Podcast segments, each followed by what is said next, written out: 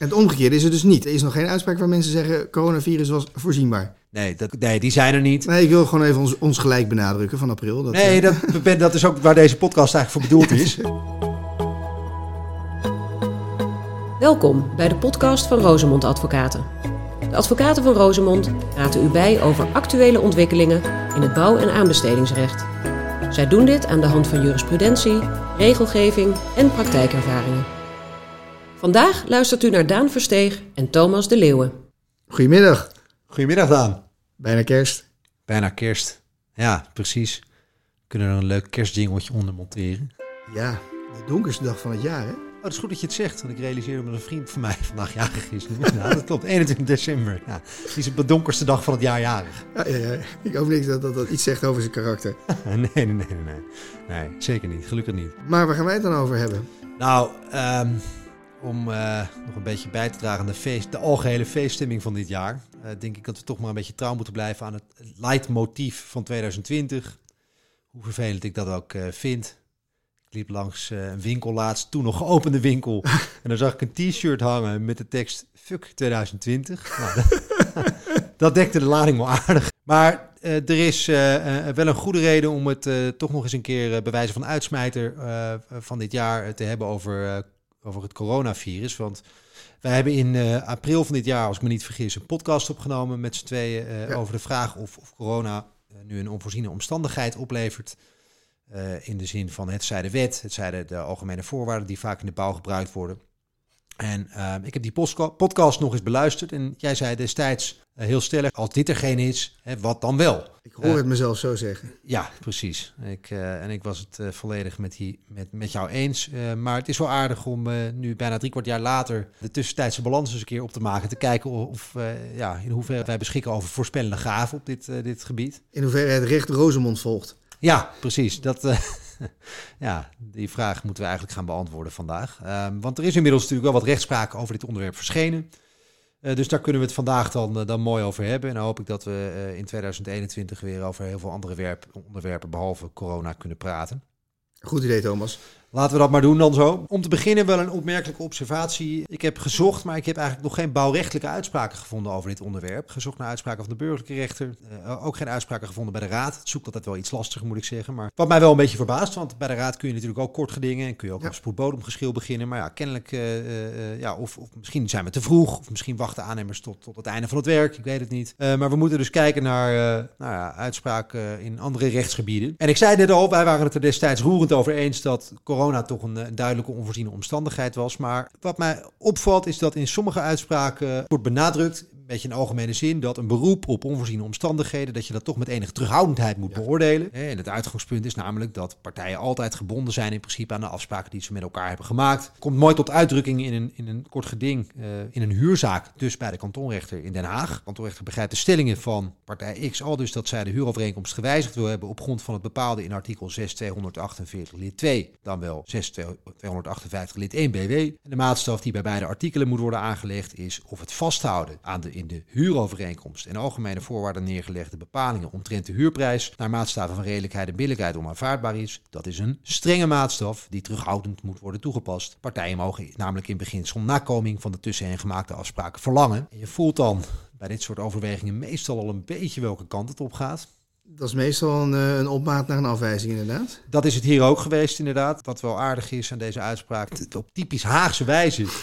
eh, eh, ja, voorkomt de kantonrechter dat hij een oordeel moet vellen over de vraag of dit nou een onvoorziene omstandigheid is of niet. Want, Aha. zegt de kantonrechter, de huurder had zich kennelijk beroepen op artikel 6258 en de kantonrechter zegt van nou, jij beweert dat je omzet hebt gederfd als gevolg daarvan. Ten eerste heb je dat helemaal niet onderbouwd, maar ten tweede heb je ook niet aangetoond hè, hoe die omzetderving dan verband zou houden met het coronavirus. Dus eh, ik hoef die vraag of eh, corona een onvoorziene omstandigheid is, hoef ik niet eens te beantwoorden, want ik kan je, Ah, moet jouw vordering sowieso afwijzen. Hij, hij Dus- loopt hem gewoon weg. Hij loopt er gewoon omheen. ja, Dus als gebruikelijk, de- Den Haag laat het oordeel eh, in het midden liggen. Ehm, maar hebben ook rechters die het wel hebben aangedurfd om te kwalificeren als wel of niet onvoorzien? Ja, uiteraard. Natuurlijk zijn er uitspraken waarin dat coronavirus als een onvoorziene omstandigheid wordt aangemerkt. En gelukkig maar. Ehm, bijvoorbeeld een uitspraak van de voorzieningenrechter Rotterdam. En dat is een aardige, omdat daarin heel mooi ook het verschil wordt benadrukt tussen deze crisis en die vorige crisis, waar wij het in april ook over gehad hebben, namelijk de bankencrisis. En die crisis, ja. ja. eh, om het geheugen van de luisteraars even op te frissen. ehm, het- eigenlijk was die crisis in algemene zin was geen reden voor rechters om, uh, om het te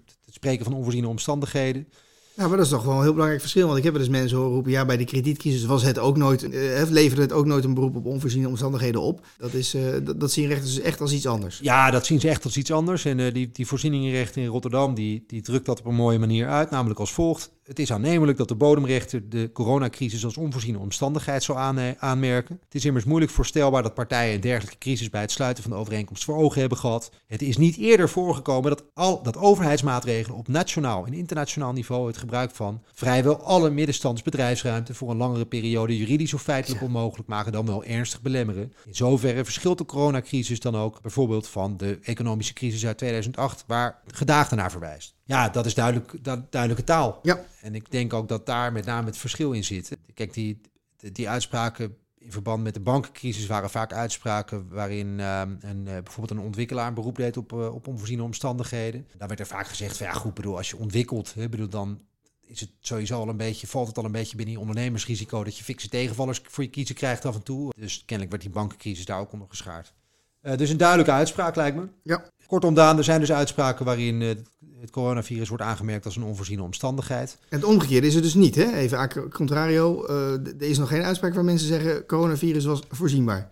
Nee, Nee, dat, dat, nee. vind ik wel belangrijk namelijk. Nee, die zijn er niet. Nee, ik wil gewoon even ons, ons gelijk benadrukken van april. Dat, nee, eh, dat, dat is ook waar deze podcast eigenlijk voor bedoeld is. Alleen, ja, we moeten toch wel weer een kanttekening maken bij die rechtspraak. Want als je die eerste horde eenmaal genomen hebt, dan ben je er nog niet. Want het kan ook nog zo zijn, namelijk, dat op basis van artikel 6 258 lid 2 weliswaar sprake is van een onvoorziene omstandigheid, maar die omstandigheid toch voor rekening komt van degene die zich erop beroept. En een aardig uh, voorbeeld daarvan, dat is een uitspraak van de voorzieningenrechter Rotterdam. En uh, misschien wel goed om die casus even kort te schetsen.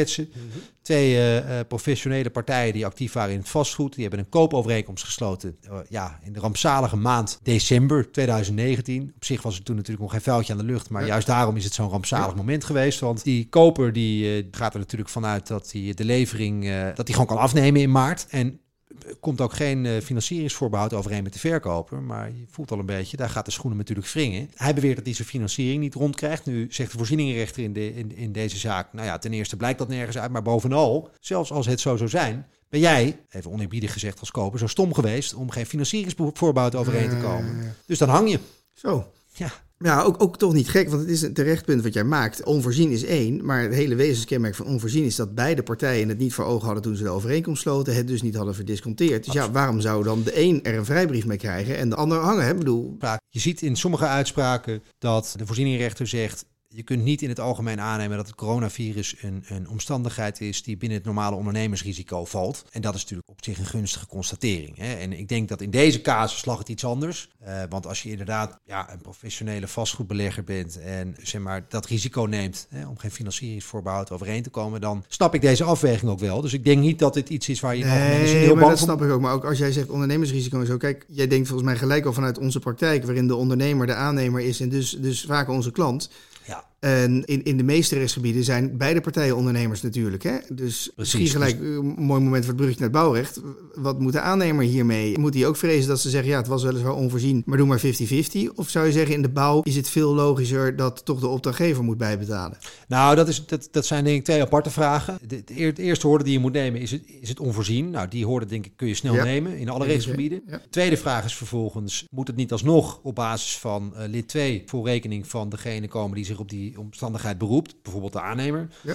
Uh, en de derde vraag is dan, hoe verdeel je de schade als je die tweede hoorde genomen hebt? Ja, ja. Uh, ik denk dat die uitspraak waar ik het net over had, over dat financieringsvoorbehoud, kijk, ik zie dat niet zo snel misgaan in de bouw. Want dit is natuurlijk een partij die hier zich beroept op die onvoorziene omstandigheid, die eigenlijk speculatief bezig is, denk ik. Mhm. Dat is een vastgoedbelegging in algemene zin. Nu is dat niet direct slecht. Alleen dat is voor een aannemer natuurlijk heel anders. De vraag gaat uit van de opdrachtgeverskant. Een aannemer die bouwt gewoon een werk. Ja, uh, ik zie niet in waarom het, het risico van zo'n onvoorziene omstandigheid op basis van dat artikel 6 258 lid 2 in de aannemerij volledig voor rekening van de aannemer zou moeten komen. Daar is, lijkt mij normaal gesproken geen aanknopingspunt voor. Ben ik 100% met je eens. Het is natuurlijk een beetje de aard van hoe, hoe werken, hoe werken, werken, jongen, dat is flauw.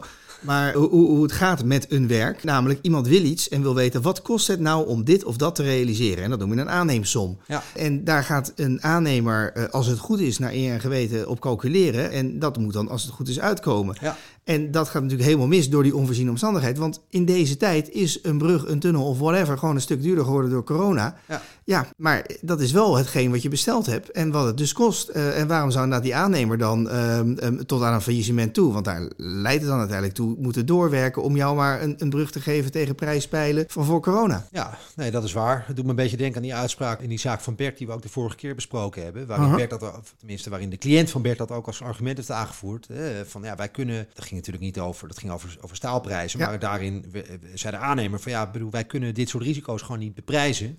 En uh, zelfs als we het zouden beprijzen, bestaat er in, in het geval dat zo'n omstandigheid zich dan voordoet, alsnog een kans dat we er gewoon aan onderdoor gaan. Dus ja. hè, inderdaad. Dan moet je toch ook als opdrachtgever niet willen dat dat soort risico's wel afgeprijsd worden, want dan worden alle werken honderd keer zo duur. En als er geen corona komt, dan betaal je ook veel te veel. Nee, en dat is nog steeds de norm. Hè. We zitten nou natuurlijk in een rare tijd, maar ja. in principe is de norm dat er geen pandemie is die de wereld in zijn greep houdt. En in die tijd wil je als opdrachtgever natuurlijk niet betalen voor uh, mondkapjes die je niet nodig hebt. Nee, dus, dus eens, dus ik denk dat we niet zo bang hoeven te zijn van die uitspraak. Het was alleen wel een opmerkelijke uitspraak. Nee, en het is wel terecht dat je dat, dat we even de luisteraar wijzen op de dubbele toets. Onvoorzien is één, uh, maar contract aanpassen is twee. En dan ja. inderdaad eigenlijk wat je zegt, rekening verleggen is nog nummer drie. Dat is nummer drie, hè, want dat is, dat is dan de vervolgvraag. Hoe verdeel je het nadeel? En nou ja, dat, daar valt eigenlijk nog geen lijn te ontdekken in de jurisprudentie. Wat je ziet is dat in de literatuur onder andere professor Chittis, toch niet de, de eerste de beste, uh, zegt van nou, je moet eigenlijk proberen om dat 50-50 te verdelen. Tegelijk zie je dat er een heleboel mensen zijn die zeggen, ja, maar hoe doe je dat dan? Want misschien heb je in de overeenkomst zelf al een andere risicoverdeling opgenomen. Dus dan is het niet terecht om daar weer van af te wijken met 50-50. Dus dat is wel een, een lastige, denk ik. En dat vind en ik ook te makkelijk, alsof dat altijd kan. Nou, ik denk dat er een goede reden is om, om in de aannemerij die regel niet te hanteren. Hè? Want, uh, Eigenlijk om de reden die we net noemden. Ja, wat we net zeiden. Ja, je, je, je, je doet een aannemersom voor een werk en die komt niet uit. Ja. Maar, maar waarom zou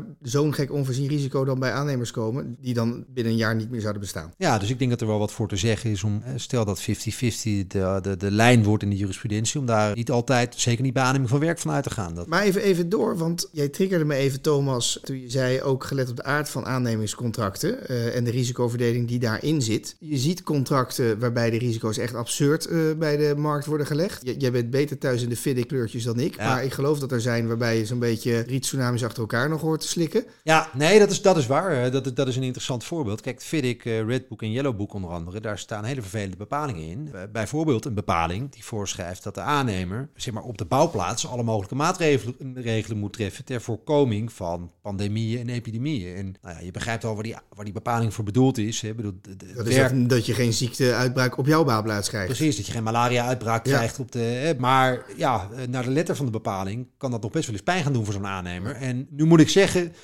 ik zou dat een onredelijke uitleg vinden van dergelijke bepalingen. Maar ook daar zie je dat in de literatuur inderdaad wordt gezegd van ja, daar kunnen we toch niet, daar kunnen we zo'n aannemer toch niet op vastpinnen in dit geval. Want per slot van rekening, en dan ga je weer kijken naar die formulering van, van artikel 6258. Ja. Uh, misschien hebben partijen dan wel voorzien in de mogelijkheid van een pandemie of epidemie, maar toch niet eentje van deze orde. Hè? Maar in het verlengde daarvan vind ik wel een ander perspectief. Want je zou dus hiermee kunnen zeggen, als het geregeld is, is het dus ook niet meer onvoorzien. Er zijn natuurlijk in de UAV en de UAVGC heel veel dingen geregeld aangaande veranderende wettelijke voorschriften. Ja. staat gewoon letterlijk uh, in, in, in beide algemene voorwaarden dat elke wettelijke regel die komt de dag na, uh, hè, of, of, of later dan de dag van het sluiten van het contract, die komt voor rekening van de opdrachtgever. En als je dat als uitgangspunt neemt, volgens mij is de ellende voor heel veel partijen pas begonnen toen de overheid met lockdowns kwam. Wat in eerste instantie ging via uh, besluiten van de veiligheidsregio's, maar wat natuurlijk ook net zulke goede uh, ja. publiekrechtelijke voorschriften zijn in de zin van de UAV en de UAVGC. En inmiddels via de spoedwet corona. Ervan uitgaande dat jouw contract van voor de spoedwet is of van voor de specifieke maatregel van de veiligheidsregio, dat jij op anderhalve meter moet werken, dat jij misschien op een goede dag met mondkapjes moet werken, dat uh, jouw werknemers uit het buitenland misschien niet binnen kunnen komen of pas na twee weken quarantaine aan het werk mogen. Keiharde overheidsregels, waar jij niet om hebt gevraagd. Uh, en volgens mij liggen die gewoon bij de opdrachtgever. Of ben ik nou gek? Nou, ik denk dat je daar wel, wel gelijk in hebt. Je, je, moet natuurlijk wel laten zien dat de kostenstijgingen waar je als aannemer mee te maken krijgt, dat die gerelateerd zijn aan maatregelen. Ja, de dat, is, dat, is de lastigheid. Ja. Als jij een bouwput had waar je toch altijd op vijf meter van elkaar zat te werken, dan heb je niets te zeuren over die anderhalf meter. Nee, en, en ik heb het idee, maar dat... Uh, ik uh, roep mensen van harte op om uh, mij te corrigeren als ik het verkeerd zie. Uh, maar ik heb het idee dat, dat bijvoorbeeld social distancing op de bouwplaats nou niet uiteindelijk. Ik, ik vraag me af of dat nou uiteindelijk zo'n enorme kostenpost ah, nou, is. Dat, dat, weet, dat weet ik niet hoor. Weet, weet, ik, weet ik niet of ik het met je eens ben. Ik bedoel, kijk, ja, nogmaals, een enorme bouwkuip waar mensen ver van elkaar afstaan mensen in grote apparaten, het zal. Maar uh, keten die misschien in één keer twee keer zo groot moeten zijn. Gewoon alleen om de mensen nee, te zeker, dus schaften. Thuiswerken zo ongetwijfeld. Hè. De, het lastige is alleen weer dat bijvoorbeeld als je kijkt... Ja, de ontwerpers, de, de back-office bij een uh, UAVGC-contract. Ja, alleen als je kijkt naar, naar uh, de, nou ja, thuiswerken bijvoorbeeld. Daarvan zou je kunnen zeggen dat dat is een kostenpost. Dat snap ik ook. Hè. Ik bedoel, want je kan niet meer met z'n allen tegelijk in de keten zitten. Je kunt je afvragen van oké, kunnen we daar dan wat mee. Maar de overheid heeft volgens mij alleen maar een dringend advies gegeven om thuis te werken. Je zou zeggen, misschien via arbeidsrechtelijke regelgeving, dat je daar uh, als werkgever toch voorzieningen voor moest treffen. En dat je misschien dan via die, uh, ja. die weg verplicht was om daar iets in te doen. Maar... Je kan ook omdraaien. Hè? Jij zegt net, ja, het was alleen maar een dringend advies. Moet dan die opdrachtgever, die in 9 van de 10 gevallen zelf ook een overheid is, dan in de sfeer van de aannemingsovereenkomst zeggen, ja, het was maar een dringend advies. Je mag het gewoon lekker in je laars lappen en kom maar lekker met z'n allen hier naartoe, want dan gaat het werk sneller. Nou, ik zou zeggen, een beetje opdrachtgever gaat dan ook in de lijn zitten van jongens, ik kom met die maatregel. Ik verwacht zeker dat mijn aannemer zich daar zoveel mogelijk aan houdt en zoveel mogelijk thuiswerkt. En ja, gunst, als dat een centje meer kost, dan wil ik daar ook voor betalen. En volgens mij, eer wie er toekomt, Thomas, toch, RWS heeft ook wel zoiets gezegd als wij willen best wat meer betalen. Of zeg ik het nou iets positief? Nee, dat, dat zeg je helemaal goed. Dat was zoals gewoonlijk maaien mij weer het gras voor de voeten weg hier. Want inderdaad, dat, dat is uh, iets wat we ook bij onze cliënten denk ik onder de aandacht moeten brengen. Dat, dat handelingskader uh, van Rijkswaterstaat jij het over hebt, voor GWW werken. Ja. Misschien is het wel aardig om even kort te citeren wat erin staat. Kijk, Rijkswaterstaat heeft natuurlijk in de loop van dit jaar ook gezien dat corona wel eens een vervelend effect zou kunnen hebben op uh, GWW-werken die in uitvoering waren. En heeft toen de, de marktpartijen en haar contractspartij op dat moment gerust willen stellen met een zogenaamde een, een, handelingskader, wat je ook op internet kunt terugvinden. Wij zullen het linkje er ook even bij, bij doen. En wat staat erin? Rijkswaterstaat wil samen met marktpartijen doortastend handelen naar wat het beste is voor de voortgang van het project. Dat is altijd goed. Ronkende taal. Problemen als gevolg van het coronavirus willen we bij voorkeur niet benaderen vanuit een juridisch kader. Een beroep op contractuele gronden, zoals bijvoorbeeld bijzondere of onvoorziene omstandigheden of overmacht, kunnen beklemmend werken. Dat willen we niet als uitgangspunt. Er zijn verschillende mogelijkheden om samen tot een oplossing te komen voor problemen of knelpunten als gevolg van overheidsmaatregelen of RIVM-richtlijnen in verband met het coronavirus. Daarbij zal Rijkswaterstaat zich redelijk en billijk opstellen en wordt ook een redelijke en flexibele opstelling van de marktpartijen verwacht. Onder een redelijke en billijke opstelling verstaat Rijkswaterstaat. Wij stellen ons soepeler op in het toepassen van contractuele boeteregimes. Oh, mooi. Wij vergoeden in redelijkheid de extra kosten die een contractpartij moet maken als gevolg van overheidsmaatregelen of RIVM-richtlijnen in verband met het coronavirus. Daarnaast verlenen we waar mogelijk uitstel van termijnen en bekijken we de mogelijkheden om de duur van werkbare uren te verlengen en hinderbeperkende maatregelen aan te passen nu er veel minder verkeer is. Zowel Rijkswaterstaat als opdrachtnemers zullen redelijke en billijke opstellingen aan de dag leggen waar het gaat om de bepaling en onderbouwing van de omvang van de extra kosten en tijdsconsequenties ten behoeve van termijnsverlenging. Nou, ja, kijk, dit is toch. hij begint zo van. Nou, jongens, laten we alsjeblieft niet juridisch doen en samen ons best doen. En dan denk je, nou, dit wordt helemaal weer. Een, dit gaat uit als een nachtkaars. Ja. Maar hij eindigt, en dat vind ik echt mooi. Chapeau zou ik bijna zeggen. Met gewoon knoepertharde toezeggingen. We gaan niet knullig doen over boetes. We gaan niet te, te streng zijn. En gewoon ruimhartig met, met de kosten. Ja. ja, steek hem in je zak. En, en daar kan je ook niet snel op terugkomen, vind ik. Nee, dat denk ik ook. En je zou ook kunnen zeggen van ja, goed. Ik bedoel, als zelfs uh, Rijkswaterstaat al op deze manier redeneert. Hè, bedoel, je kan ook een beetje de reflexwerking proberen te gebruiken van deze, de, deze mooie tekst. Ik ben het helemaal met je eens. Als je zegt, nou, dit geldt dan voor alle overheden. Want, beste luisteraar, ik ben ooit begonnen met bestuursrecht. Dus er is zoiets als het feit dat je ook als privaatrechtelijk handelend bestuursorgaan altijd de algemene beginselen van behoorlijk bestuur in acht moet nou, nemen.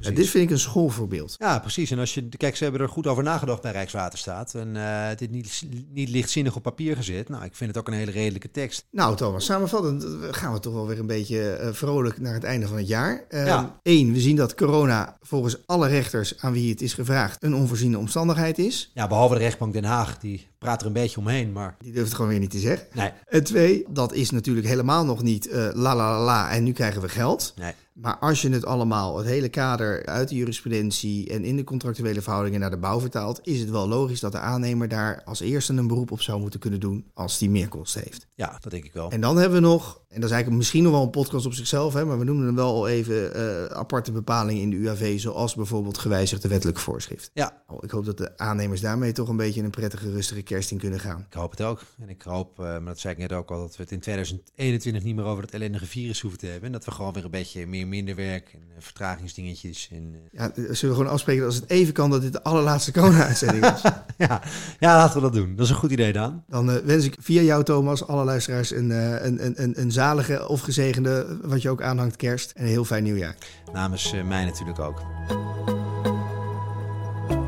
Dit was de podcast van Rosemond Advocaten. Leuk dat u luisterde. Heeft u vragen naar aanleiding van de podcast? Mail naar podcast.rosemond.nl of ga naar onze website www.rosemond.nl